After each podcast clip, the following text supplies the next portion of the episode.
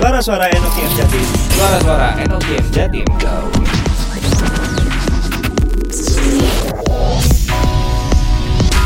Balik lagi di suara-suara Enokiem Jawa Timur bareng gua Marnala Sibu ya. Bareng saya Alvan Ardi Wibawa. Ya, sore ini Nah, sore ini spesial nih Bang kita Bang. Yes. Kita kehadiran tamu. Tamu spesial. Tamu spesial dan dia narasumber yang kira-kira uh bakal cukup kompeten lah di bidangnya. Ini Tentang terkait teknologi. teknologi masa depan yang bakal menghidupi Telkomsel ke depannya Iya, sepertinya. bener.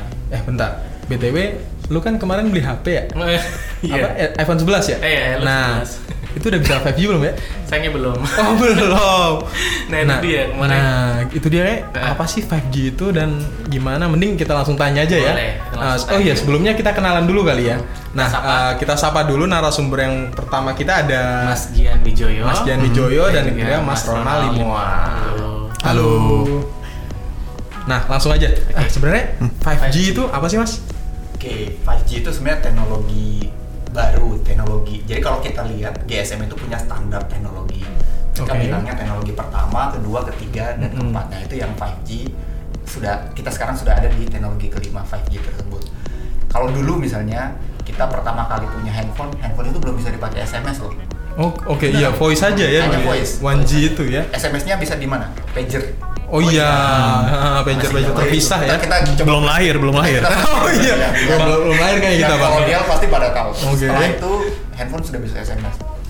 Zaman dulu tuh ada yang bisa kasih bonus kuota uh, free SMS 1000 Itu laku banget itu kan Oh, orang bener lah. SMS-an zaman Hmm. Akhirnya Bener, bener, SMS. bener. SMS saja dipakai Mas ya. Iya. Muncullah yang berikutnya GPRS. Yes. Jadi handphone kita yang merek M zaman dulu itu Hmm. itu bisa bisa dipakai buat browsing, buat Hmm. dulu Tapi masih terbatas ya. gateway paling terkenal Hmm. sekarang udah nggak ada yang gateway terkenal gitu terus nanti setelah itu kita udah mulai handphone yang bisa lebih gede layarnya seperti iPhone Oke. yang bisa sudah bisa buat streaming sudah macam-macam sudah mulai masuk ke 4G 4G sendiri di Indonesia itu kurang lebih baru sekitar empat setengah tahun sampai lima tahun ke belakang Hmm. ada Hmm. Telkomsel salah satunya adalah operator yang pertama dengan 4G. Wow, nah, iya. karena itu Telkomsel mau memulai dengan generasi kelima yaitu 5G. Kita mau jadi yang duluan.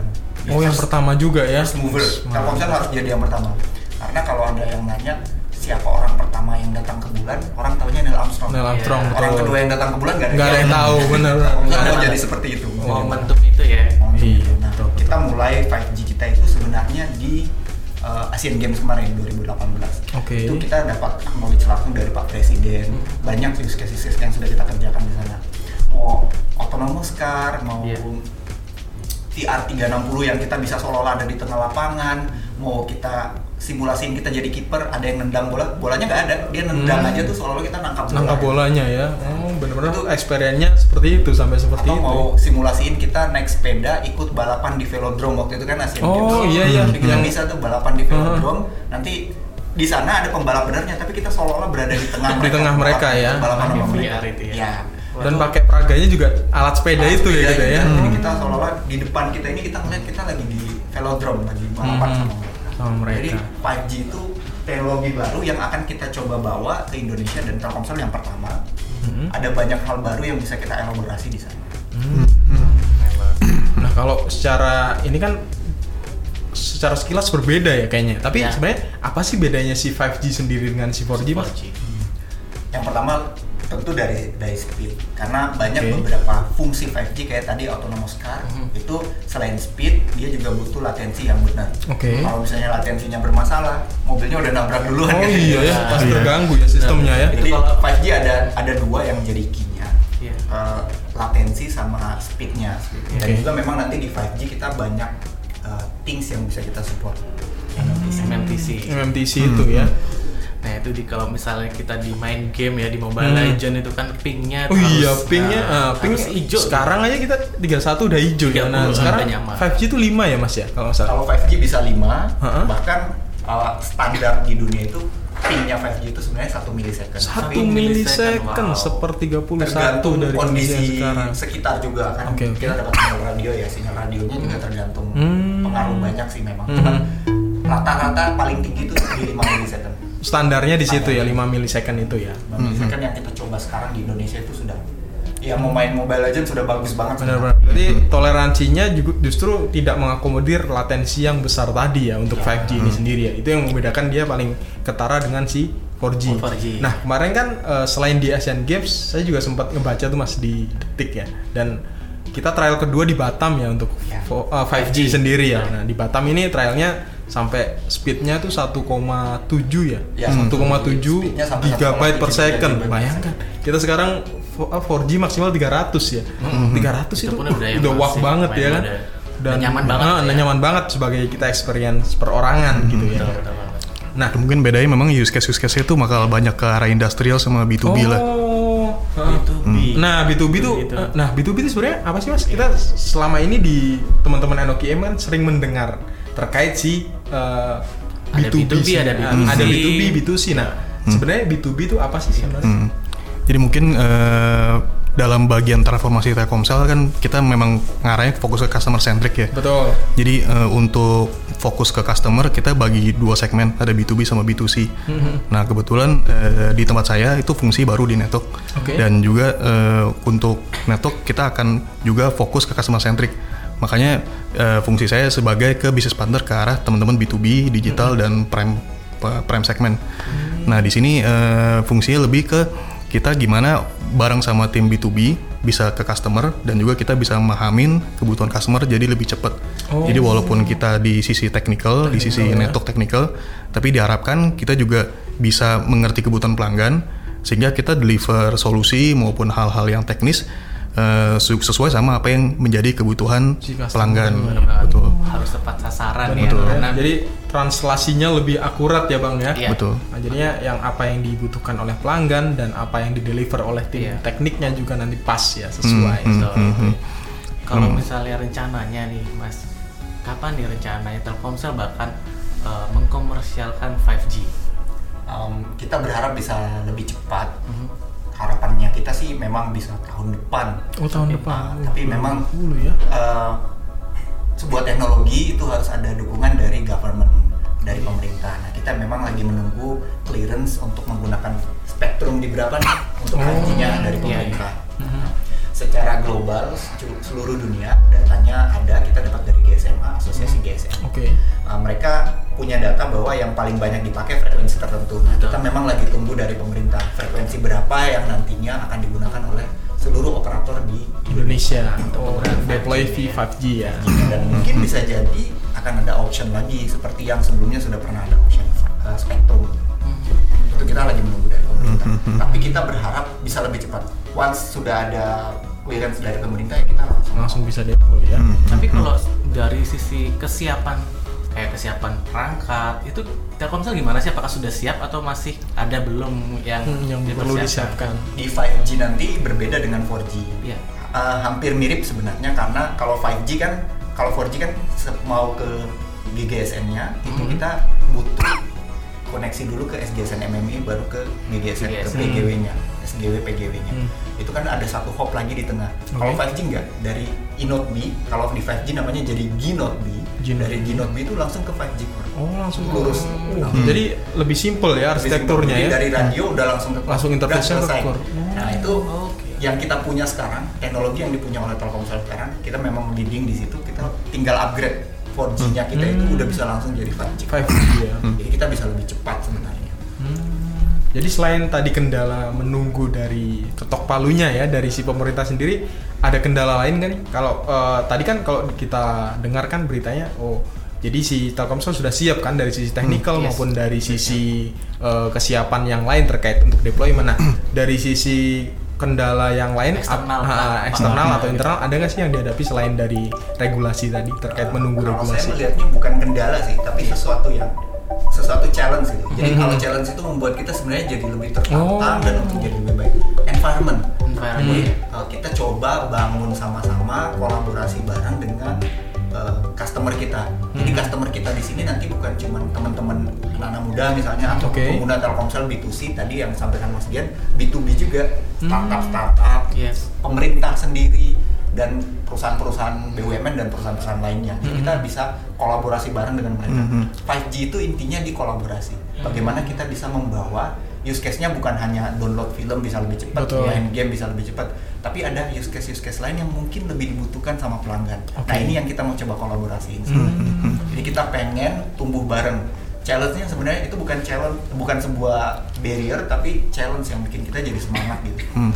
Dan untuk deteksi itu sebenarnya kita nggak nggak dalam konteks hari ini kita juga udah mulai kolaborasi dengan industri. Oke. Jadi untuk bisa ngelihat ya, kira-kira challenge-challenge apa yang kira-kira akan kita hadapi nantinya. Jadi kita coba lihat dulu dan kita coba kolaborasi dan kita lihat ini kalau kita lakukan sekarang kira-kira eh, tantangannya apa aja sih yang bakal kita hadapin dan juga kita juga bisa terima feedback lebih awal lagi. Hmm, jadi selain untuk experience pelanggan perorangan, kita juga lebih concern ya untuk 5G ini adalah terkait si industri ya, pemanfaatan industri ya. 4.0 Oh iya, nah itu sering dengar juga tuh Iya. bang. Jadi kan selama ini kan kita sering di mungkin era eh, perkembangan yang saat ini kan kita cenderung tahu nggak industri 4.0 apa Iya. ya kan? Oh jadi itu lebih cenderung ke arah nantinya pasar 4, eh, 5G ya ke situ ya nantinya ya. Jadi sedikit sharing, Telkomsel kan tadi saya cerita di Asian Games, Oh, betul. lebih ke sport sebenarnya. Kita Sport. juga kerja bareng Inasgok waktu itu, bahkan dengan Inapgok. Inapgo. Oke. Inapgok itu untuk para gamesnya. Jadi kan setelah ada Asian Games ada Asian Para Games. Paralympics itu para, ya. para, para games. Oh, para- Games. oh, yang Untuk- tingkatnya Asia ya lingkupnya ya. Setelah itu kita ada use case yang teman-teman sudah sebutkan juga di Batam. Batam itu kita kerjasama dengan industri. Hmm. Ada beberapa industri yang kita kerjasama bareng Hmm. untuk uh, 5G-nya tadi. Ada Hmm. banyak yo- showcase-showcase dan memang real 5G yang kita bisa deliver. Di Bat Kenapa kita pilih Batam waktu itu karena sejarahnya Telkomsel melakukan pertama kali panggilan Pak B.J. Habibie waktu itu Oh iya, dari Indonesia betul. ke Jerman itu di Batam. Di Batam. Nah, kita mau mengulang sejarah itu di tahun 95 Hmm. dengan 5G 5 lagi 5G ini 5G, di ya, Batam betul, betul. dan kita melakukan first 5G call real dari Indonesia operator lain belum ada itu dari Indonesia ke Australia Australia. Karena mereka sudah punya Udah 5G punya di sana. 5G di sana. Dan kita melakukan Oke. real 5G call dan itu sudah terbukti di- dihadiri juga oleh dari pihak pemerintah Pihak pemerintah betul. Nah, setelah itu kita ke next dev itu juga 5G-nya Telkomsel sudah jalan di sana. Jadi kalau kita ingat hari Sabtu lalu itu ada event Hmm. Betul. gede Iya. untuk para uh, founder startup yang bikin aplikasi keren-keren. Mereka Betul. Dikasih wadah sama Telkomsel untuk menunjukin startupnya dia, aplikasinya dia.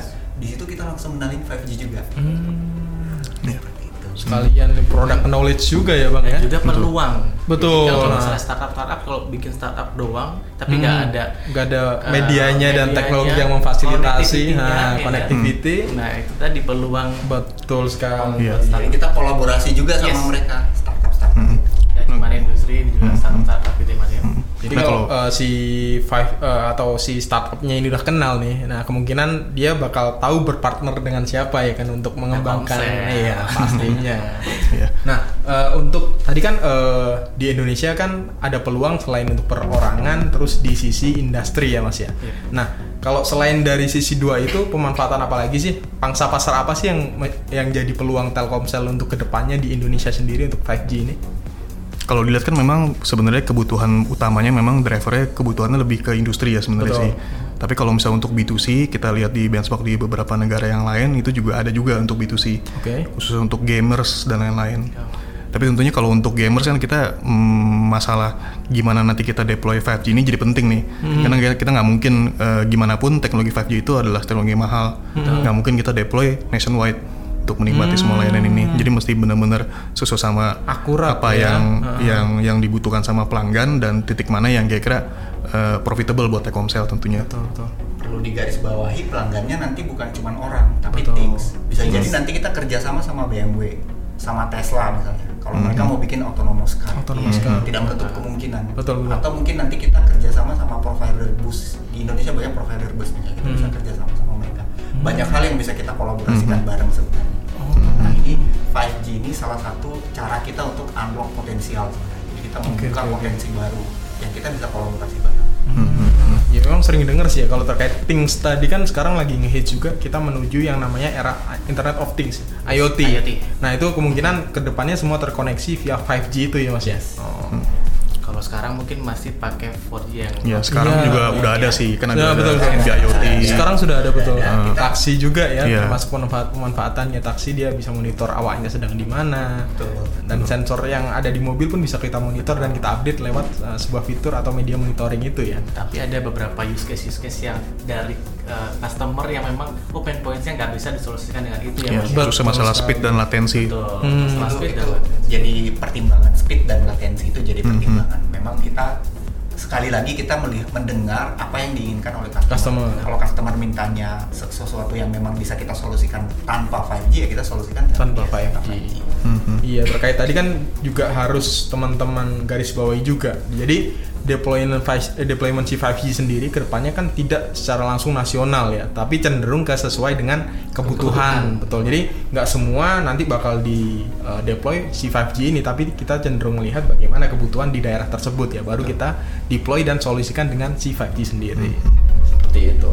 Nah itu tadi kalau misalnya industri uh, customernya, kalau misalnya customer perorangan itu misalnya uh, perorangan kayak kita Iya, gitu kan ya. sebagai pengguna biasa Iya, gitu bisa. ya. Itu syaratnya apa sih untuk bisa menikmati layanan 5G ini mas? Cukup punya handphone dan pakai Telkomsel yang paling penting. Us, Wow.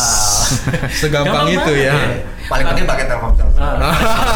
nah, Jadi punya eh, handphone yang support 5G dan nanti saat Telkomsel sudah komersial, Komersial, pasti bisa ya. sama Jadi seharusnya ta- kemarin abang nggak usah buru-buru beli HP-nya. Eh, Nungguin kalau 5G sekarang- dulu sebenarnya. Nunggu 5G Nunggu dulu, 5G dulu, Mas. speknya udah keluar baru kita beli. Jadi kan, tapi nggak apa-apa sih kan, tinggal beli lagi ya bang ya. Sultan bebas ya. Iya, Sultan bebas. Nah, jadi gitu teman-teman. Jadi bisa kita tarik kesimpulan bahwa memang 5G ini cenderung eh, untuk kebutuhannya lebih luas dan tidak spesifik untuk hanya perorangan saja. Jadi ada peluang yang di nantinya di pasar industri yang bisa difasilitasi dengan adanya si 5G sendiri. Jadi fitur-fiturnya juga lebih menarik dan lebih banyak yang bisa dihandle oleh si 5G sendiri. Itu Mas ya kurang lebih ya. Hmm. Bahkan kita udah bisa juga untuk misalnya smart home. Tidak menutup kemungkinan 5G itu bisa dipakai Oh buat iya smart betul home. betul.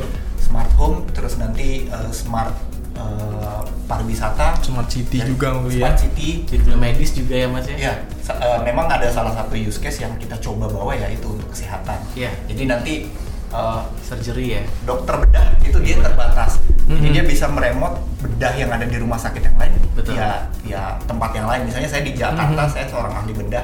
Saya bisa bedah pasien itu dari Jakarta Dari- ke Surabaya Wow, misalnya. keren banget. Asalkan ada alatnya itu ya. Jadi harus Yes. nggak perlu 5G terbang ke sini kan. Betul betul betul. Lebih Salah cepat satu juga ya dan lebih use efisien. case yang sebenarnya bisa di banyak hal yang bisa kita kerja Iya. bareng sebenarnya jadi 5G ini nanti bisa berguna bukan hanya untuk industri bukan hanya untuk perorangan, Perorangan. keluarga bahkan sebenarnya secara glo secara keseluruhan berguna untuk Indonesia sih jadi kita bisa maju bareng-bareng meningkatkan industri kreatifnya Indonesia dan juga tentu membantu ekonominya Indonesia Oh, keren tuh. Dalam banget. Iya, nah, kayaknya mungkin manfaatnya nambahin juga tuh, Jos. kan karena memang ini terkait sama industri nih. Hmm. Jadi benar-benar eh, ya tantangan ke depannya Telkomsel kan hari ini kita sebagai telco operator nih. betul. Kalau kita mau masuk ke industri, artinya tantangannya kita harus mengerti mengenai industri apa yang kita mau bantu sebenarnya. Jadi itu salah satu lagi yang memang mengharuskan kita harus terus-menerus belajar, eh, bahkan ke customer ya kita belajar ke customer juga. Contoh misalkan tadi surgery tadi misalkan nih Iya. segala macam, ya mungkin itu itu juga something yang jadi menantang juga sih buat buat Telkomsel. Eh, mungkin secara teknologi bisa, tapi apakah secara aturan boleh nggak sih dokter ngelakuin itu dari jarak jauh segala macam? Nah, Jadi something yang itu jadi menantang juga. Harus ada kolaborasi lagi ya mas ya? Betul, kolaborasi sama industri jadi penting banget dan yang paling penting lagi sih karena ini limitless possibility ya. Jadi eh, appetite kita buat belajar juga harus limitless juga jadinya. Sangat setuju, setuju. Mhm. Jadinya memang kita harus banyak open mind lah ya, lebih cenderung open mind untuk saat ini. Jadinya apa yang ada dan baru ya gitu harus kita pelajari. Jadi peluang yang kita bisa explore juga bisa lebih maksimal lagi. Apalagi ini emang potensinya masih sangat luas ya. Betul, kita apalagi operator pertama loh bang. Iya. Operator pertama yang ngegelar uh, for 5G, 5G. ya, di Indonesia dan memang dengan potensi yang tadi disebutkan dan berapa banyak fitur dan kemungkinan yang bisa di-unlock untuk pengembangan ekonomi dan upgrade untuk perindustrian nah itu juga ya cukup luar biasa juga kita juga uh, Iya. wah juga gitu untuk seperti itu Menantang dan menarik. Hmm. Nah, teman-teman di sini kan eh, lebih cenderung eh, sehari-hari terkait dengan operasional nih. Nah, dari sisi mungkin dari Mas eh, Mas Ronald sendiri. Nah, ini kan cenderung lebih for- fast forward ya. Jadi lebih next step lah, jauh di depan kita. Nah, pesan-pesan apa sih yang bisa disampaikan untuk teman-teman di regional Jawa Timur spesialnya? Ini salah satu regional paling spesial. Saya sudah datang beberapa regional ini regional paling spesial. Mantap. Jadi eh, pertama teman-teman jangan pernah berhenti belajar sih sebenarnya. Belajar apa aja. Sekarang ini yang kita lagi banyak kita pelajari itu yang pertama masalah 5G itu sendiri. Oke. Terus kita lagi belajar teknologi cloud juga. Kita udah ngembangin cloud di dua kota saat ini Hmm. di Denpasar dan di Medan. Terus nanti akan semakin berkembang. Lalu kita juga lagi belajar untuk big data sama AI. Hmm, itu AI. lagi kita kerjakan sekarang. Betul, betul. Kita punya project untuk ngerjain itu big data dan AI dan nanti machine learning. Machine learning itu bisa jadi dikolaborasikan dengan 5G sebenarnya. Betul. Karena kita punya machine learning, kita bisa mempelajari kayak misalnya uh, orang ini udah ngantuk nih, nggak boleh lagi nyetir, Nah. misalnya. Dia nyetir Hmm, dari itu- Surabaya ke Jakarta misalnya. Iya. Memang jalan tolnya bagus lurus Betul. aja, tapi kan kita bisa Prediksi ya, titik lel- titik lelahnya di mana itu ya. kita bisa lakukan. Nah, Hmm. teman-teman jangan berhenti belajar. Apalagi uh, belajar itu sebenarnya bisa di mana aja gitu. Kita Betul. bisa belajar dari mana aja. Nah, itu dan di Telkomsel kan juga kita banyak dari transformasi sendiri punya banyak program tuh. Iya. Uh, mereka punya yang big data, terus nanti AI, terus nanti UI UX juga sudah Hmm. jalan kan. Nah, Hmm.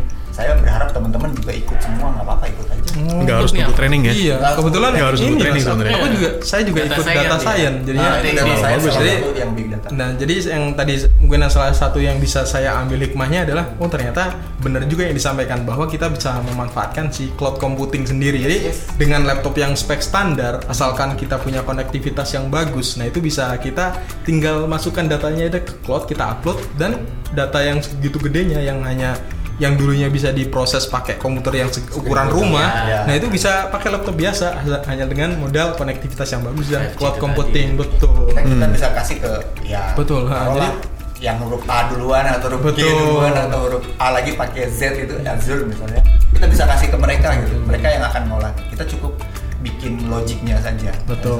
Hmm. Kita Banyak- banyak hal yang ini bisa. proses seperti apa ya Mas ya. Hmm. Menarik sih emang. Yang kemarin emang ya ini pencerahan juga. Jadi ternyata oh data Komsel bener ternyata kenyataannya seperti itu. Ya, Ini kan yang saya dapatkan selama ini konsepnya. Oh konsepnya seperti itu. Iya, menarik banget. Iya, kita tinggal tunggu lah bang intinya bang. Wah, Iya. Nggak, nggak sabar lah intinya ya. Gimana banget di ya. HP bisa ngelihat speed test yang 1,7 ya. Sampai 1,7. jarumnya. Biasanya di 100 120 Nah. sekarang bisa 1,7 GB per second. Itu luar biasa sangat. Jadi eh, mungkin sekian Bang ya dari sekian dari kita. Eh, terima kasih Terima atas informasinya dan sharingnya untuk Mas Gian dan Mas Ronald. Mas Ronald. Nah, eh, ini juga eh, teman-teman dari NKM Jatim eh, jangan lupa didengerin. Ini juga ilmu yang baru buat teman-teman NKM Jatim. Saya dan Bang Nala hanya mewakili aja ya. Semoga sharing yang kita dapat sore ini bermanfaat. Sekian ya Bang ya. Oke. Ada ada lagi? Udah. Cukup ya? Cukup. Bang ya. Ah, terima kasih kasih. Mas Ronald. Bye-bye. Bye bye. Selamat sore.